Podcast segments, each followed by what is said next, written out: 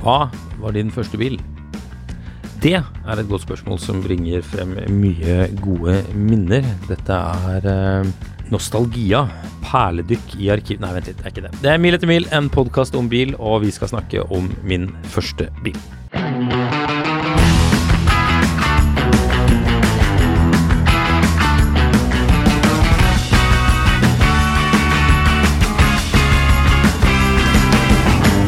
BMW har kommet med en eh, ny bil som blir den billigste elbilen de eh, kommer til å selge i Norge. I hvert Ok. fall foreløpig. Ja. Det er ikke en eh, I3-bil egentlig, får vi vel si. Det er jo den suverent mest populære BMW-en. Jeg sjekket faktisk detaljene i forbindelse med jeg skrev saken om I5, som også er rett rundt eh, hjørnet nå. Eller det har vel egentlig allerede kommet. Kan stikke og prøvekjøre bilen eh, hvis man er opptatt av slikt. Oh yes. Den mest solgte BMW-en siden 1980 er 3-serien. Og så, på andreplass, er I3. I Norge. Ja ja. Det er ikke rart. Men denne nye bilen, er du nysgjerrig på den? Hva er, den mest solgte Porschen i Norge noensinne? Mm. Ja, er det Taycan? Det er ja, det er vel solgt flere Taycaner enn Cayenne. Det vil jeg tro. Ja, det vil jeg tro. Ja. Men ja. BMW. BMW, elektrisk, iX1. Den kjenner vi jo for så vidt fra før. Ja. Men litt sånn eh, kjekk og grei elbil, kanskje ikke veldig spennende for entusiastene. Men nå kommer det en eh, ikke X-Drive-versjon, men E-Drive 20 heter den. Oi, så gøy. Og Bakhjulstrekk eller ja, for det er jo det jeg tenkte å spørre deg om. Hva tror du? Den har, tror du den tror har den har klassisk forhjulstrekk. Jeg vet ikke, men jeg tror den har forhjulstrekk. Her gikk du fort rett på sak. Det var ingen leking og killing Det var ingen av tøysing, Nei, det var eh, veldig lite tøys. Det var veldig nei. pragmatisk. Litt tysk, nesten. Det passer passer kanskje. Det er riktig, det er eh, forhjulsdrift. Kanskje ikke så spennende for entusiastene der. Nei. Altså, Gørrkjedelig er også et ord som blir brukt. Gørrkjedelig BMW lansert. Um, men den, den, den um, Om den later som at den er så veldig billig, jeg vet ikke. Det, det er her det blir litt interessant, da. Og det er jo litt mer sånn bransjeaktig, um, egentlig. For den, den uh, IX-en som kom først, som jeg kjørte ned i Danmark og sladdet på stranden med Mhm. Eh, i Det var vel i fjor, var det ikke det? Jo. Eh, Den har en rekkevidde på mellom 439 og 417 km. Så hvis du flesker til med de deilige hjulene, som man jo gjør, så blir det lav rekkevidde.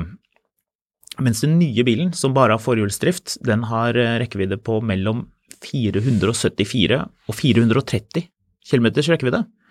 Jeg syns jo at dette siste tallet der, 430, ligner veldig på de tallene som presenteres for den firehjulsdriftversjonen. Mhm. Um, så gitt at du ikke vil ha de, la oss si, stygge standardhjulene som gjør at bilen går lengst mulig, så blir jo rekkevidden veldig lik. Og hvis jeg da i tillegg, Marius, sier at um, startprisen på den nye bilen, som har 200 og Hvor mange hestekrefter er den har? 204 hestekrefter, 250 newton, 0 til 100 på 8,6 sekunder. Så omtrent like rask som en vanlig stasjonsvogn. Jeg ser du strever fælt med å ikke gjespe her nå. Ja, det har ikke noe med det her å gjøre. Det har å gjøre med at jeg har små barn. Jeg tenkte Å, dette var kjedelig. Å nei, nei. Ja, det, er, det er en kjedelig bil. Ja, det er en kjedelig bil, men, uh... eh, Men jeg syns det var litt sånn Det var litt interessant likevel. Selv om det ikke er Lamborghini og V12 eller uh, brukt bil. Som er det eneste jeg bryr meg om. Ja, som er det eneste du bryr deg om. Uh, så var det dette med prisen.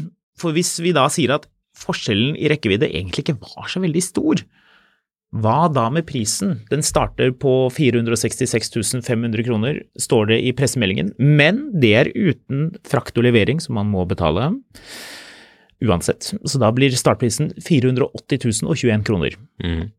Ok, da er det bare forhjulsdrift som holder hvis du bor i Halden, kanskje, men uh, ikke helt eh, tilfredsstillende hvis Vi du bor på fjellet. vi Hvis du skal til fjellet. Vi snakket i går om hva er den der kinesiske eh, varevogna du kjører rundt i, hva heter den? Den Maxus-bilen. Maxus, ja. Mm. Maxus pickup mente jeg at jeg hadde sett overalt. Og du bare Ingen! Ingen som skal ha en Maxus pickup for den er elektrisk og har bare tohjulstrekk. Ja. Men, eh, men pensjonistene de bryr seg ikke om det. De skal ha elektrisk BMW med forhjulstrekk. Minn meg på den maksusen etterpå, skal jeg ta, gå inn på Opplysningsrådet for veitrafikken etterpå og sjekke hvor mange det er som er regga. Ifølge deg er det ingen. Ifølge meg er det ca. ingen, men det kan hende det er noen. Ok, uansett. 480 000 kroner inkludert levering før utstyr, men den som har firehjulsdrift og 313 hestekrefter og er mye raskere, mm. koster hvor mye, hvor mye, hvor mye, hvor stor syns du differansen bør være for at den, den nye, i anførselstegn, billige modellen faktisk er attraktiv? 50 000. 50, ja? Mm. Ok. Ja, så du er litt på lag med BMW her.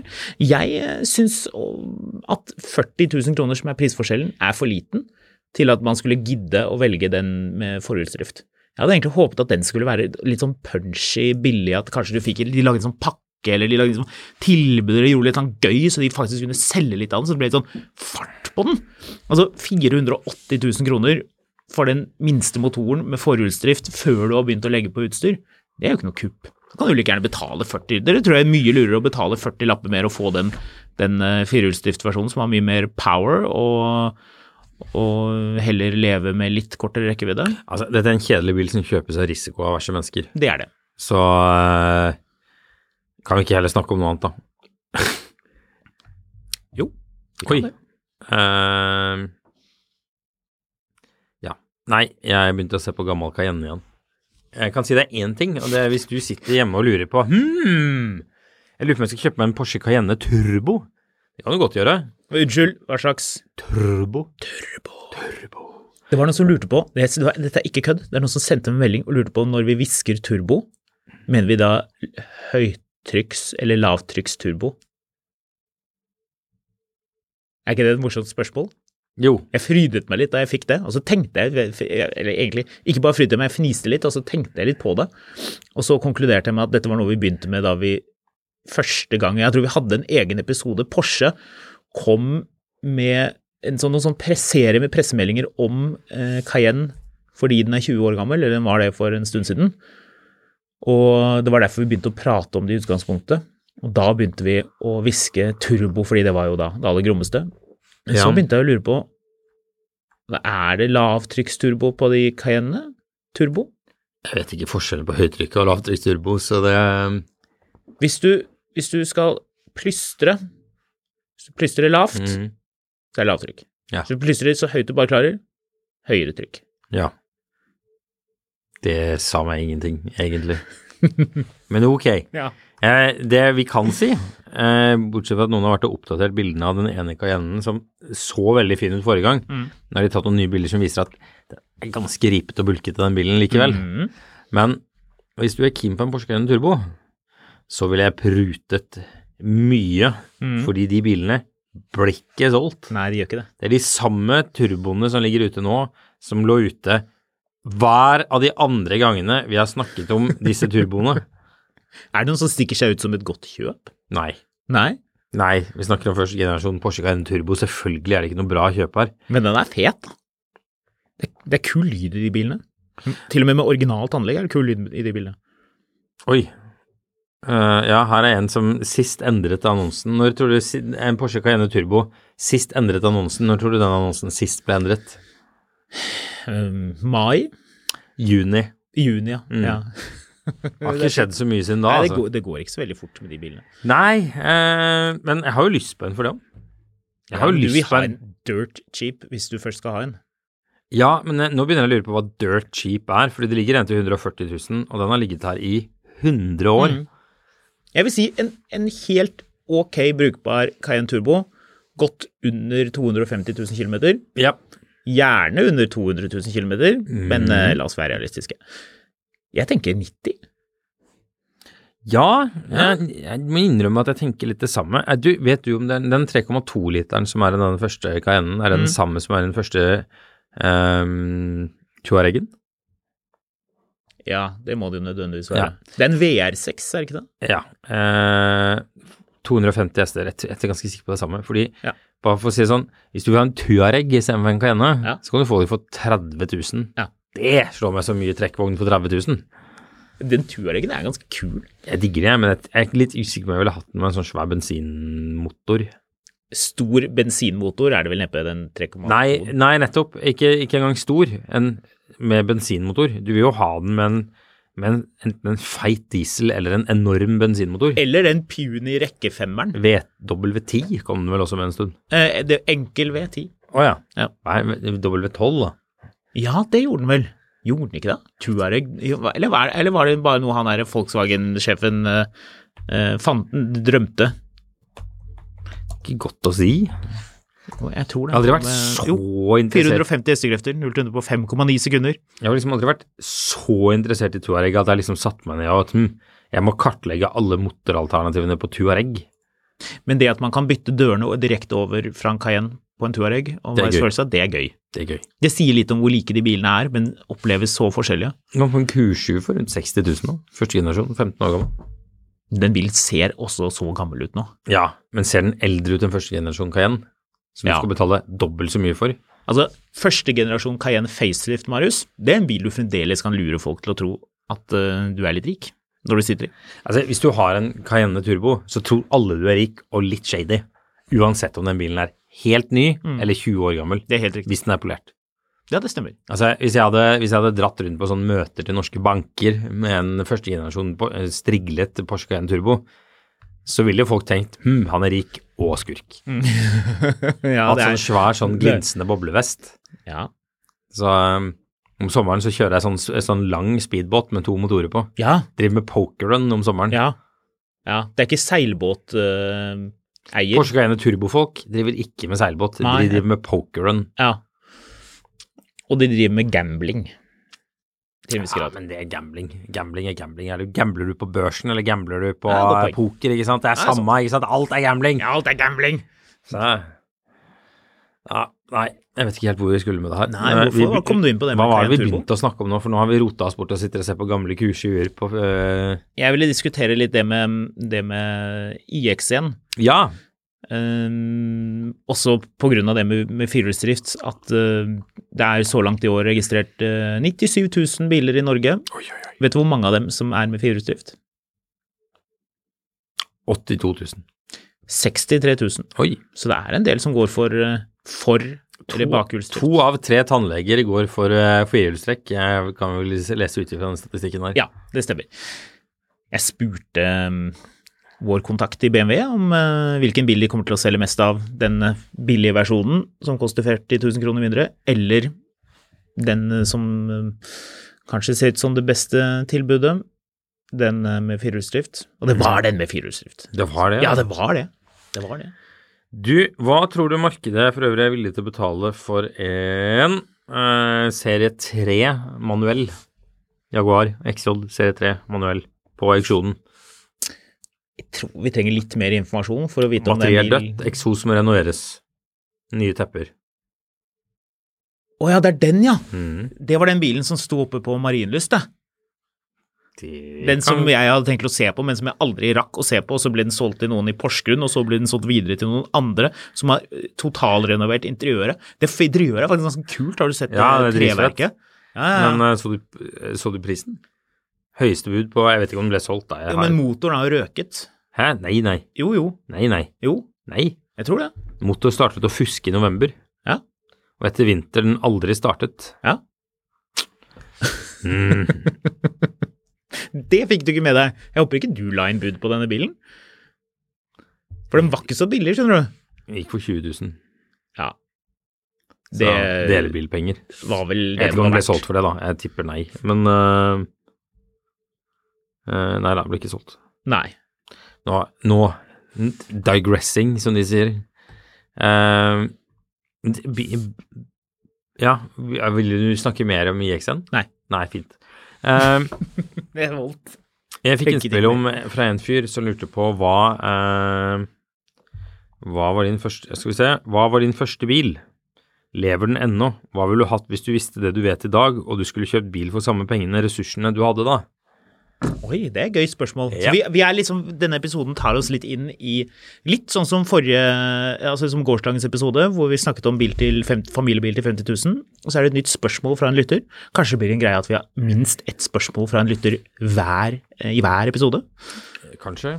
Men det er et artig spørsmål. Ikke lov ting du ikke kan holde nå. Nei, nei, nei, nei, jeg skal ikke gjøre det. Første bil, Jan. Ja. Det er gøy.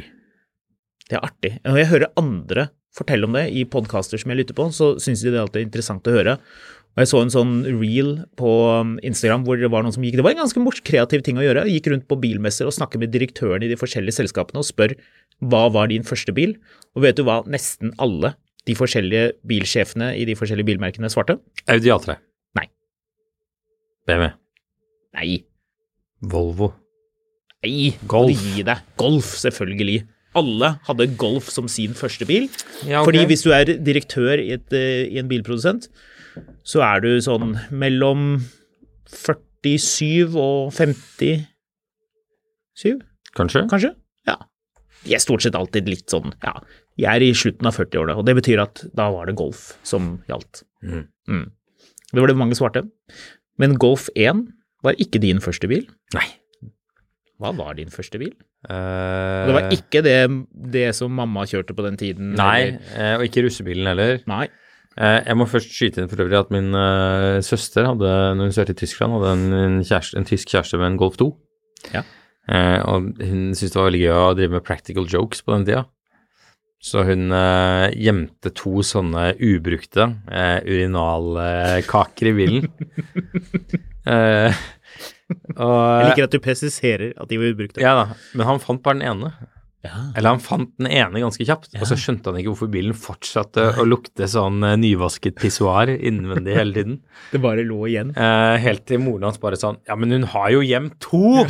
Det skjønner du vel? Skjønte du vel?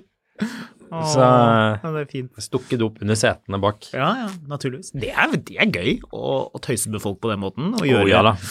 og, vond eller interessant lukt i bil. Mm. Mm. Det, er, mm, det hadde irritert meg veldig hvis Det det, plutselig begynte å lukte rart i min store og praktfulle Mercedes, som nå lukter lær og hud og stoff. Den lukter hud. Den lukter hud. Jaså, Mengele, lukter den hud? Nei, den gjør egentlig ikke det. Men jeg liker å si at uh, biler har hudinteriør. Ja, det kan du godt si, men du kan ikke si at det lukter hud.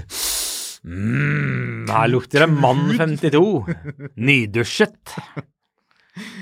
Nei, ok da. Det ble feil det der. Ja, jeg tar tilbake det. Ja. Jeg mente noe annet. Men hva var den første bilen din, da? Nå hadde jeg tenkt å høre hva din første bil er, men jeg kan begynne, jeg. Jeg, jeg, kan- ja, ok, greit. Min første bil kostet 21 000 kroner. Ja. Den øhm, kjøpte jeg oppe i Nydalen. Jeg legger merke til at du sier din, og ikke dine første biler. Men ja. ja. For du vet jo litt om dette her. Ja, ja. De som er faste lyttere, fast inventar De, i denne podkasten, vet faste, litt om de faste lytterne vet dette går, hvor dette bærer. Eh, ja, den hadde to Den hadde vel to chassisnumre i vognkortet. Mm, Alltid et godt tegn. Har alltid godt tegn. Stopper, eh, stopper ikke oss. Jeg husker godt, det erindrer, at eh, jeg var ute og kjørte på ovenfor eh, Nydalen på, på Ring 3. Da kjører jeg bilen til um, fattern -hmm. og snakker med deg i telefonen, og vi drøfter om jeg skal kjøpe denne bilen eller ikke. Og du sier ja, kjøp, kjøp i vei, bare kjøp den, herregud, kjøp nå da, for bare kjøp den. Høres ut som en Kjøp i meg vei. ting å si. Ja, det, det var en veldig deg ting å si, og det er sånne ting du fortsatt gjør. Du bare sier kjøp, kjøp i vei. Du er jo den som sier det aller mest av alle, men ja, du kjøpte denne bilen. Jeg sier det eh, stort sett, men hvis det, hvis når det kommer til meg selv, så er jeg veldig skeptisk. Ja. Mm. Og var det da òg, men jeg tok ditt råd og kjøpte denne bilen. Ja, Med men det var felgen du falt for, for ikke sant? Ja, ikke sant? Sharif-felgene, det var en Det ting på sto jo tiden. Sharif i midten på dem. Det gjorde det, ja.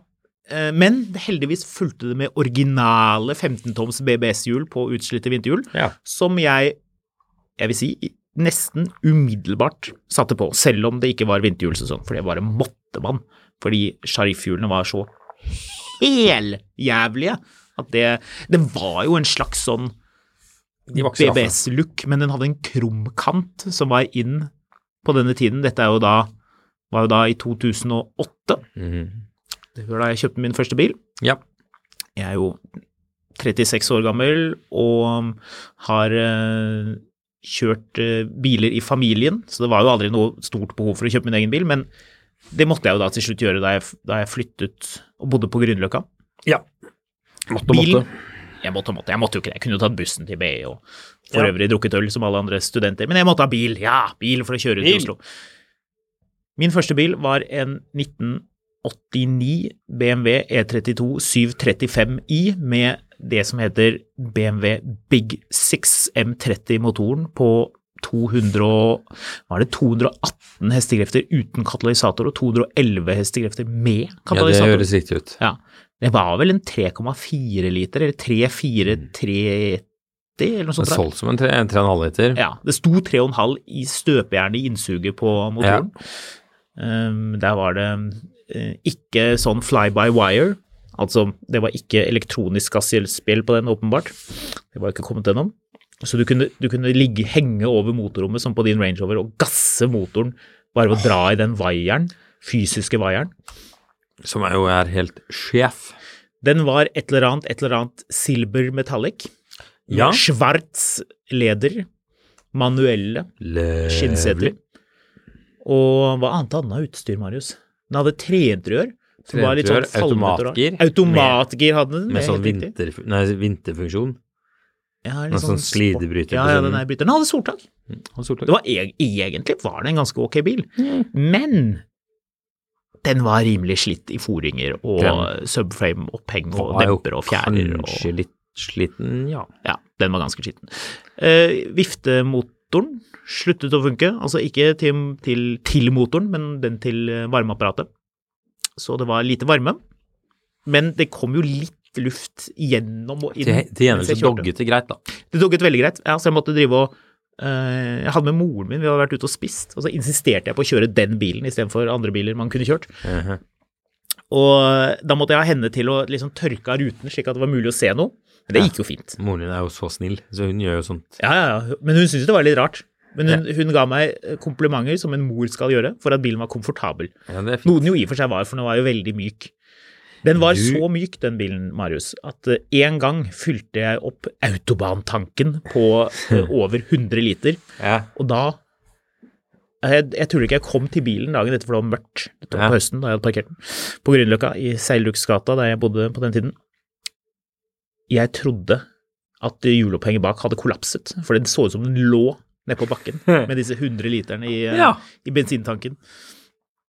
Så den bilen Hadde ikke du og en kompis En kompis av deg arvet vel en sånn bil du egentlig kjørte rundt i først? Det er helt riktig. Den var i den fantastiske BMW-fargen Diamant Schwarz, som er en sånn mørk, blågrå, dritfin farge. Så det det var var derfor jeg hadde lyst på en E32 i utgangspunktet, for den bilen kjørte jeg jo det en del. Jeg var også en 735. Den ble Den dessverre bilen var vel en, en skikkelig basket case for Mm. Den bilen var dødssliten, men, men det var vel en av de aller første BMW-ene jeg kjørte, som gjorde at jeg begynte å tenke å, shit, BMW er jo tingen. Mm. Jeg må jo erkjenne at, at i god tid før jeg fikk lappen og kunne begynne å kjøre bil, så syntes jeg egentlig at lastebil og tog var gøyere enn bil. Eller i hvert fall minst like gøy. Ja. Og det sier jeg jo ikke så mye i den podkasten her, men jeg følger jo fortsatt med på de tingene, og jeg har noen venner som Ingen her er glad i traktor og de tingene som jeg diskuterer med andre. Ikke så mye i den podkasten her, men Ja. litt. Det prøver å lure det inn. Men uh, den sølvfargede E32-en, Mhm. det var litt andre problemer med nå. Det vil jeg tro. Og når man tenker tilbake på det, hvor bagatellmessig de problemene var sett med hva slags kunnskap du og jeg har nå, Marius. Jeg husker det lakk bensin fra et eh, rør på toppen av motoren. Istedenfor å reparere det, så bare kjørte jeg med det. Ja. Noe, jeg tørket av, før jeg, for det lakk bare da den var kald. Så jeg startet motoren, og så, begynte, altså, så dagen før BI start, begynte med å tørke bensin på motoren, så sluttet det å lekke, så bare kjørte jeg. Det gikk helt. Perfekt. Ja, det gikk helt fint. Istedenfor å kjøpe et verktøy og stramme til den skruen. Den var en sånn slangeklemme, tipper jeg. Uh, det har jeg tenkt på etter, det var utrolig dårlig Flaks det ikke begynte å brenne, Ja, faktisk. det vil noen si. Ja, det kan du, du kan si det. Så, Um, så jeg hadde ikke den bilen så veldig lenge. Jo, jeg skulle, jeg hadde jo, um, jeg skulle kose meg litt en dag, så jeg kjørte ned til Sol Sigar nede i eh, Det var vel på den tiden Drammensveien, Henrik Ibsens gate, altså rett ved Slottet. Sigarforretning. Skulle jeg kjøpe sigar til en fredag og kose meg. Og da eh, ville ikke døren igjen. Det var da jeg bestemte meg for å selge bilen. Det gikk for øvrig ikke an å låse bilen, et vanlig problem på E32 for de som lurer og har lyst du låste igjen, så låste den opp igjen? Ja, den låste seg opp uh, med en gang, eller så låste den seg opp i løpet av kvelden. Så det, det, kom, det kom noen og stjal brillene mine som jeg hadde liggende i bilen. Og hva de skulle med mine um, tilpassede briller, det vet jeg fortsatt ikke. Nei. Og de stjal en sånn TomTom-navigasjon. Det var kanskje ikke så farlig. Uansett, den bilen endte jeg opp med å selge da døren ikke ville igjen, da jeg skulle kose meg på denne fredagen med sigaren, og jeg måtte kjøre og holde døren. Da merket jeg at dette gidder jeg ikke lenger. Hadde låsen funket, så kunne du låst den, så ville døren holdt seg igjen. Ja. Det er, Dette, dette er jo kjent BMW-problematikk. er At de låsene begynner å gå når bilen blir gammel og må- ting begynner å bli kaldt. Det kommer vann i låsen, og ja, så blir det ja, men det var bare det. For jeg satte den inn, og da Det her husker jeg fungerte det er flere av de Range Roverne også. Jeg holde, måtte holde en sånn derre bærepose med varmtvann mot døren for at den skulle låse opp. Ja. Så Men eh, før du forteller om din første bil, mm. som jeg antar er en artig historie, Tja, kanskje. så må jeg jo si denne Romania-turen jeg hadde med BMW, som jeg har vært inne på tidligere, hvor, de hadde, hvor BMW Classic hadde med en del biler, og vi kjørte rundt i, i, um, i Romania, bare for gøy, mm. for å lage en sak og kikke på biler og museer og ting og tang. Så hadde de med eh, museets E32 750, det var en 92-modell, sånn ganske sen en. Men herregud, så stor forskjell det er. Altså, det, det bare det beviste, det beviste for meg hvor, hvor viktig det er at foringer, demper, fjærer ja, Kanskje litt også det at, at bilen helst ikke bør bestå av to biler. En, Ideelt. en gang i tida hvor, hvor mye det har å si, da. En gang i tida så har jeg lyst til å være såpass rik at jeg kan ta en bil og så bare kjøre den til Ja. sånn fabrikken bare sånn, vet du hva. Jeg vil at det skal bli en ny bil Ja, igjen. nullstill. Ja. Ja. Hvordan kjennes den? Og, og, og, og det er litt sånn gøy, da, for man kan kjøre en gammel whatever, et eller annet, en gammel bil, og så tenker man oi, dette var jo egentlig ikke noe særlig bra å kjøre. Men så kjørte jeg den museumsbilen, den hadde gått sånn 4000 km, tror jeg. Hvis man googler litt bilder av, av E32 som denne 7-serien heter, og man finner BMW sine bilder, så er det den bilen jeg kjørte som de har masse pressebilder av fra gamle dager og sånn. Det De beholdt ikke så mange av de 7-seriene, de har sikkert noen på lager. Men, De men det et er den de stiller ut hvis de skal stille ut har nok et 7-serier. lite lager av helt like biler. Ja, men det med hvor utrolig tight og nice den bilen eh, egentlig var da den var ny, Mm. og hvor, hvor jævlig slitt min bil må ha vært, da, siden jeg, jeg kjente, det som at, at bakhjulene liksom var løse når jeg kjørte i rundkjøringer. Så jeg kjente litt med at bilen føltes ikke som den var i én bit. Det var kjempeirriterende. Men du, Steinar Bastesen, nå banner du så mye i denne episoden her at vi snart må sette sånn parental advisory-merker på de greiene her. Jeg skal slutte på det. Ryan Reynolds here from Mint Mobile. With the price of just about everything going up during inflation, we thought we'd bring our prices down. So to help us, we brought in a reverse auctioneer, which is apparently a thing. Mint Mobile unlimited premium wireless. Ready to get 30, 30, bit to get 30, bit to get 20, 20, 20, bit to get 20, 20, bit to get 15, 15, 15, 15 just 15 bucks a month. So, Give it a try at mintmobile.com slash switch. $45 upfront for three months plus taxes and fees. Promo rate for new customers for limited time. Unlimited more than 40 gigabytes per month. Slows. Full terms at mintmobile.com.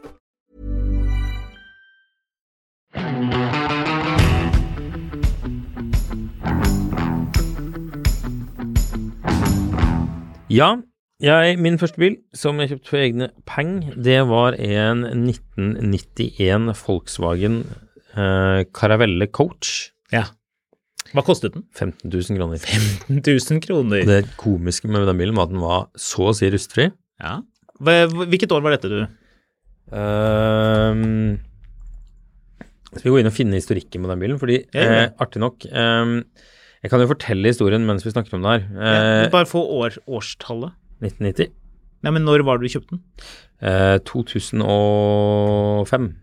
2005? Ja. Tre år før jeg kjøpte min første bil. Det er i dagens kroner 22 384 kroner. Så du Jeg- kjøpte omtrent like dyr bil. Jeg kjøpte denne bilen fordi jeg Ja, men så må du jo regne om de to 20 000 til 2022 kroner òg, da. Ja, det er 22 000 i 22 kroner. Ja, men hvor mye var de du betalte? Nå huska du. 15 000 Ja, du har rett. 15 000 i 2000 og Det er ikke så mye inflasjon mellom 2005 og 2008. Godt poeng. Jeg, der tenkte jeg feil. Det er bra du arresterte meg. Så, men jeg kjøpte den bilen fordi jeg skulle være skiboms i Alpene. Hvor i Eh, Alpene? eh, I San Anton.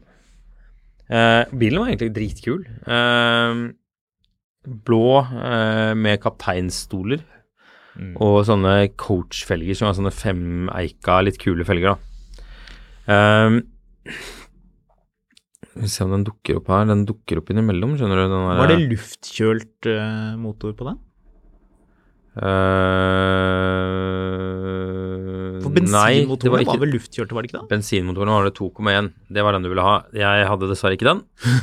Hvilken hadde du? Jeg hadde 1,6 diesel. Som du kjørte på autobanen? Uh, ja. Som den motoren ikke likte. Nei, den gjorde ikke det, nei. Nei. Ehm, Hvor fort gikk den? Eh, jeg vil si sånn, motoren kokte iallfall på autobanen på vei hjem i sånn etter å ha holdt 120-ish over lengre tid. Ja, Men det er historien, ikke sant? Det var hva som skjedde med den bilen. Ja. Ja, for, Men hvor lenge hadde du den før det? Før jeg dro. En Ja. måned eller to. Ja, ok, Så du kjøpte den for å kjøre den til Østerrike? Så jeg bodde jo delvis i den i Alpene. Mm. I sovepose med dyne i bagasjerommet osv. Jeg elska den bilen. Ehm, så, men motoren skar seg på autobanen på vei hjem. Røykla hele autobanen, og så Du fikk ikke noe varsel?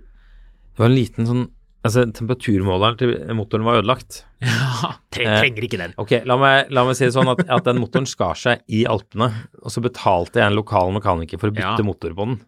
Hæ? Ja, Er det sant? Det, jepp. Men han hadde ikke tid til å fikse temperaturmåleren. Nei. Eh, så det som var eh, Det ble som den Øystein Sunde-sangen. Det som var galt på den ene, var galt på den andre. Ja. Eh, så på vei hjem, så i nærheten av Rotenburg, en by som er kjent for å ha en jule, et julemarked hele året. Sykt bra by. Jeg var der eh, i fjor. Ja, det var du vel. Ja, jeg kjørte innom en Bentley, var på tur. Så det jeg Jeg øh, Stoppet utenfor Rotenburg på autobanen. Jepp. Satt der og lurte på hva i helsike jeg gjorde nå. Ringte fattern. Han hadde ingen gode råd å komme med. Eh, bortsett fra at sitter og venter, så dukker det nok opp noen. For det er jo ikke lov å stoppe på autobanen. Så vi satt der en stund. De to jeg var i bilen med, de fant ut at de måtte gjøre noe, så de gikk ut og bestemte seg for å ha brytekonkurranse i snøen. Det hjalp heller ingenting. Men eh, kan jeg bare spørre, gikk dere på andre siden av autovernet? De gjorde det. De Jeg gjorde satt i bilen og prøvde å finne ut av hva i helsike vi skulle gjøre. Ja. Eh, jeg tror jeg har fortalt den historien her før, men plutselig så dukker det opp en, en svær eh, gullfarget eh, 210 Mercedes eh, med en bitte liten tysk-amerikaner i, som forbarmet seg over oss og kjørte oss til nærmeste politistasjon. Han kjørte veldig fort, denne Mercedesen. Og eh, så satt vi på en sånn politistasjon i Tyskland.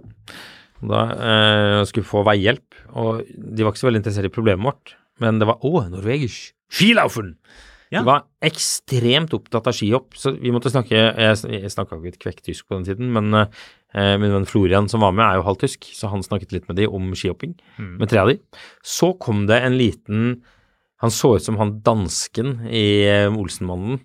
Sånn liten, Ja. fet mann med skinnvest og sånn alpelue. Jeg tror for øvrig ikke han i Olsenmannen var så liten. Jeg tror han var egentlig ganske stor. Ja, men han så ut som en, en lav utgave. En lav utgave, jeg skjønner. ja. Eh, han eh, dukket opp og eh, kjørte oss av gårde, i, men først måtte vi jo da snakke litt om Skihopp? skihopp.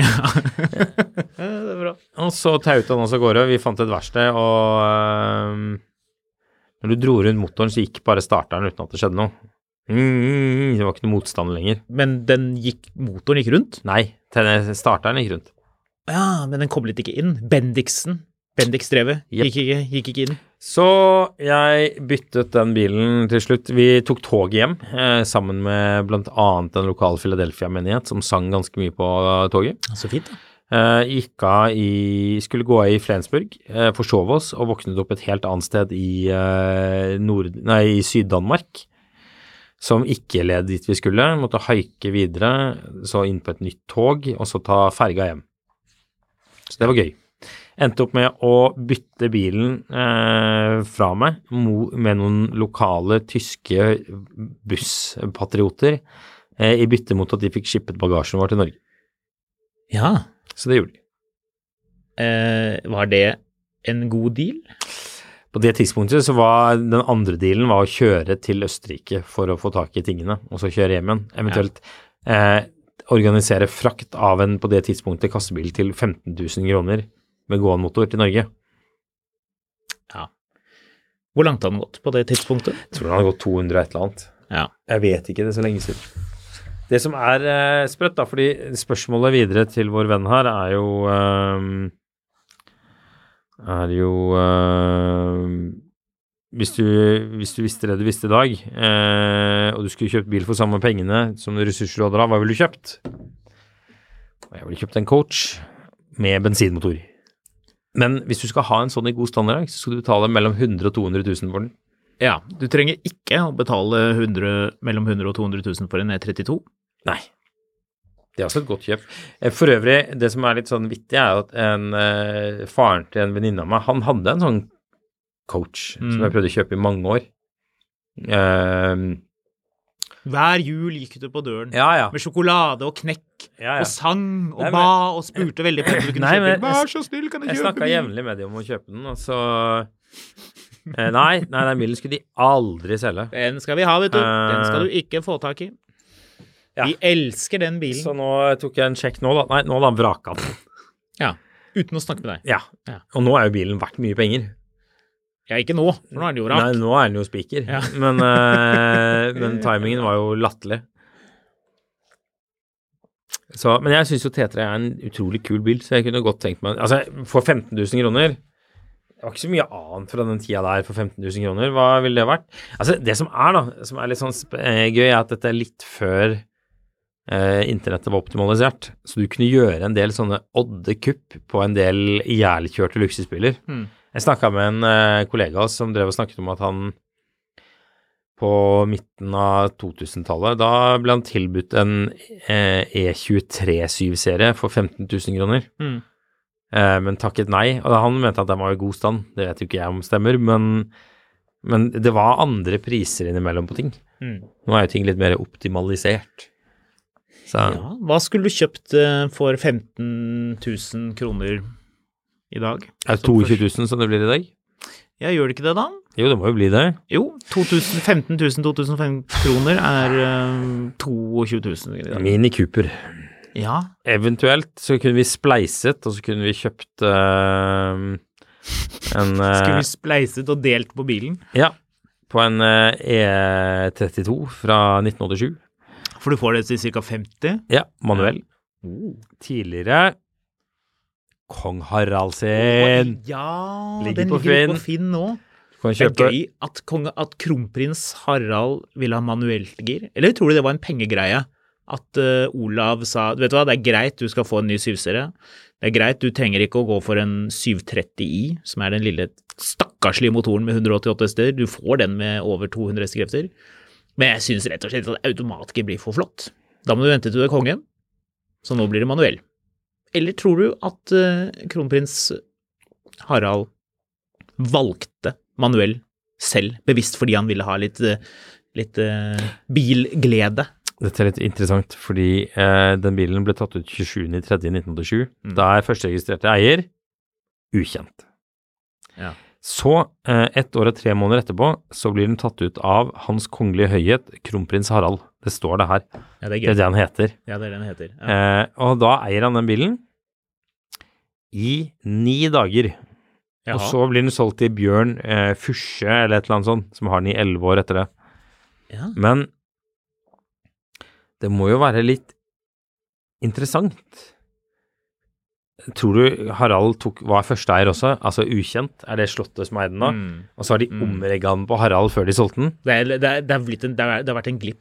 Ja, de, de har tatt en sånn diskusjon. Ok, den er, det er så mye galt med den her sju-serien. Eh, vi må jo selge den, men, men Slottet kan jo ikke få noen reklamasjoner. Nei. Nei, de ringer jo ikke Harald! Nei, de vi ikke setter den på Harald! Du, lykke til med å ringe Harald personlig. Ja, Ja. han tar jo ikke telefonen. Han tar ikke telefonen, vet du. Han har Så- ikke tid til det. Han driver med andre ting. Men hvor lenge var det de, ukjent hadde den frem til Harald fikk den? Ett år Ett år, ja. og tre måneder. Ja, det holder det, vet du. Å ja, ja. Da er kløtsjen slitt. Så fikk han beskjed av faren om at eh, nå, nå, nå lir og lakker det mot slutten, sønn. Du må få deg en Cadillac. For nå blir du konge. Ja, når, men det var, jo, det var jo mye senere. To år senere. 90? 90. Eh, 90, ja. Riktig. Ikke da han eh, Han tok og hoppet av trikken for siste gang? Olav? Ja. Jeg trodde det var 91 eller 92. Ja da. 17. januar 1991. 1991, ja. ja. Ser man det. Så Da, men ehm, eh, privat hadde jo kong Harald E E38 750. mm. Som var grunnen til at vi kalte den forrige E38 din for Harald. Jeg drev og kjedet meg på jobb en gang og eh, kikket på bildearkivet til eh, NTB, Scanpix. Der ligger det jo mye morsomt. Mm. Man går inn og kikker hvis man har abonnement der, slik vi har i Finansavisen. Og da lette jeg etter sånn 80- og 90-tallsbilder av uh, sånne luksusbiler, bare for å se om man klarte å finne noen artige ting den veien. Det var egentlig utrolig mye morsomt som dukket opp, blant annet en uh, bilder av en totalvraket E E38 750i som uh, tilhørte um, kongehuset. Det var vel jeg tror det var Dette begynner å bli lenge siden jeg kikket på, men jeg tror det var kong Haralds bil. Om det var han som kjørte eller om han satt på det, er jeg litt usikker på, faktisk. Det kan man jo finne ut av. Men iallfall, eh, det er litt, det er litt BMW-historie i kongefamilien. Ikke så mye coach. Mm. Nei, jeg tror ikke de kjørte så mye karavelle. Uh, prøver jeg bare Politiet gjorde jo det. Du Ja, men nevnte, de jo- kjørte du nevnte jo Olsenbanden, karakteren dansken. De kjørte jo ikke med De kjørte ikke karavelle med de, de kjørte jo ikke coach. Nei, de kjørte transporter. Ja, jeg tror det. Eller var det ikke noen coacher da?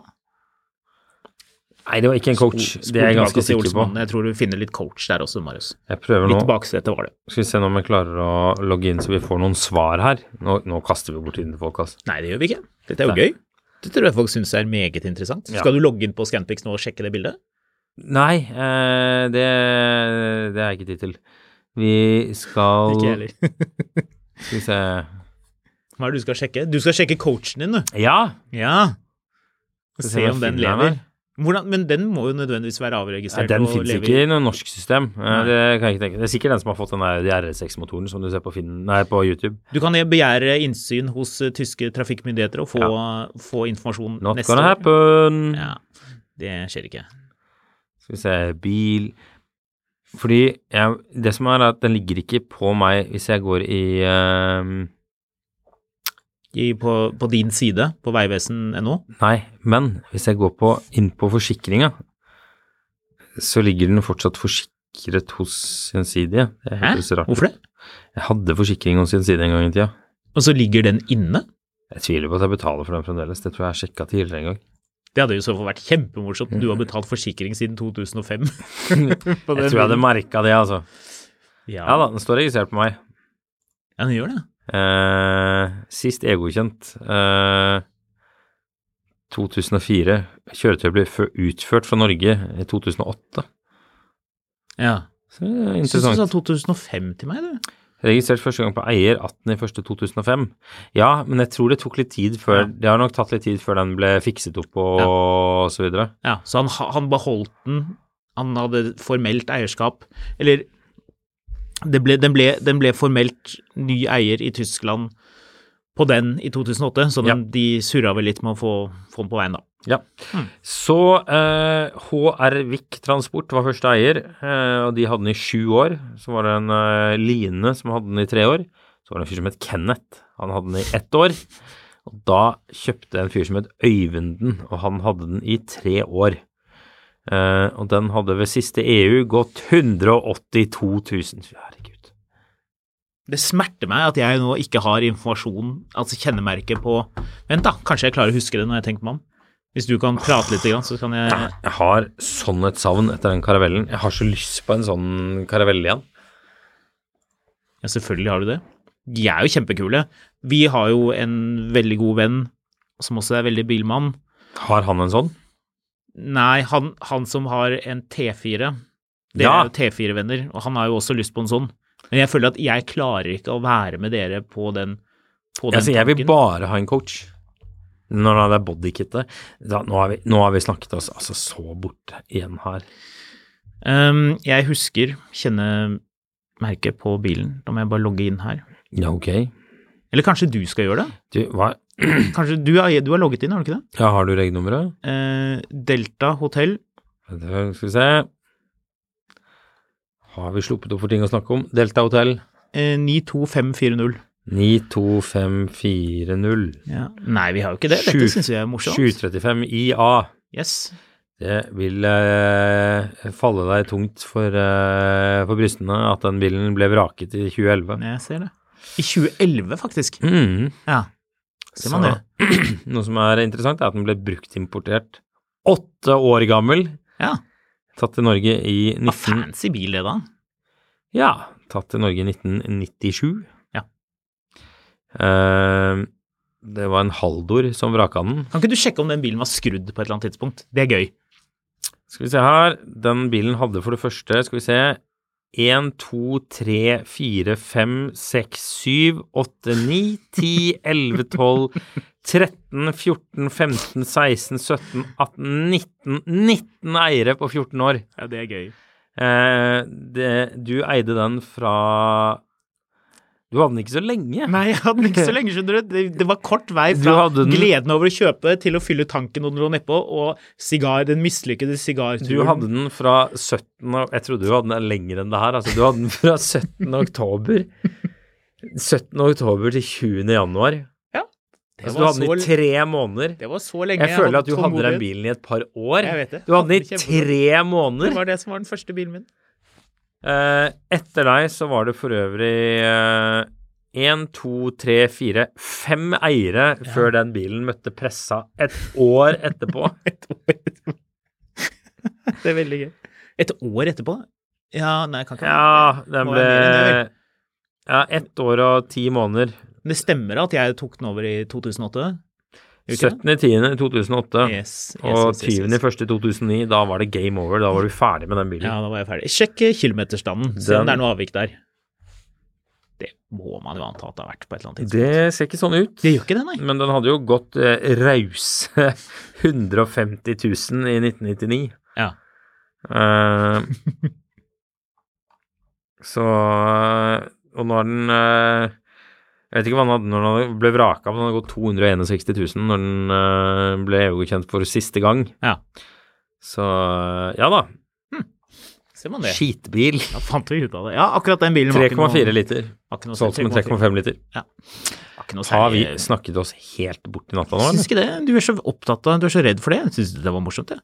Så hva man har hatt som første bil, jeg er helt sikker på at absolutt alle som lytter til denne episoden nå Vi har brukt 50 minutter, 40 minutter på å snakke om Men Vi har det. snakket litt om IXC nå, og litt Ja, ja. om Cayenne Turbo. Men alle som lytter til denne episoden her, sitter og tenker på sin første bil og historien rundt den, og jeg tipper en god del folk savner sin første bil. Ja, det vet- du det vet- savner, jeg vet du savner din.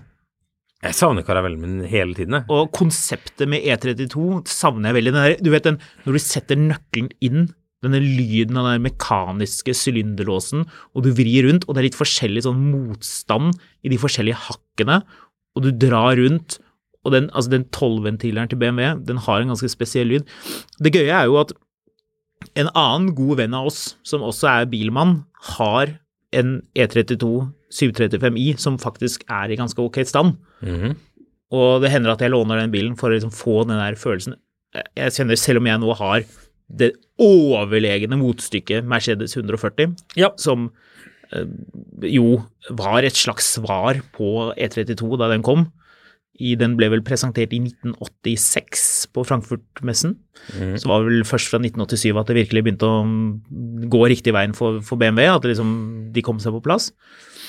Eh, Men 140-bilen som jeg har nå, jeg tror fremdeles at E32 7-serie står meg litt nærmere. Ja. Så jeg savner ikke den bilen jeg hadde, for den var litt shit. Men å ha en E32 igjen, ja, skal jeg, skal jeg ha. ja, jeg skal ha en E34 og en E39 igjen. Eh, men jeg tror jeg skal ha en E34 sedan og en E39 stasjonsvogn. Ikke omvendt. Skal vi rett og slett uh, bare runde av med det?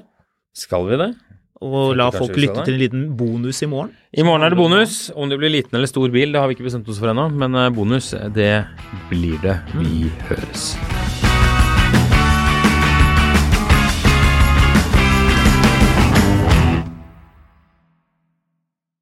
Mil etter mil, en podkast om bil, er en podkast fra Finansavisen. Programledere er Håkon Sæbø og David Kordal Andersen. Produsent er Lars Brenden Skram. Og ansvarlig redaktør er Trygve Hegnar.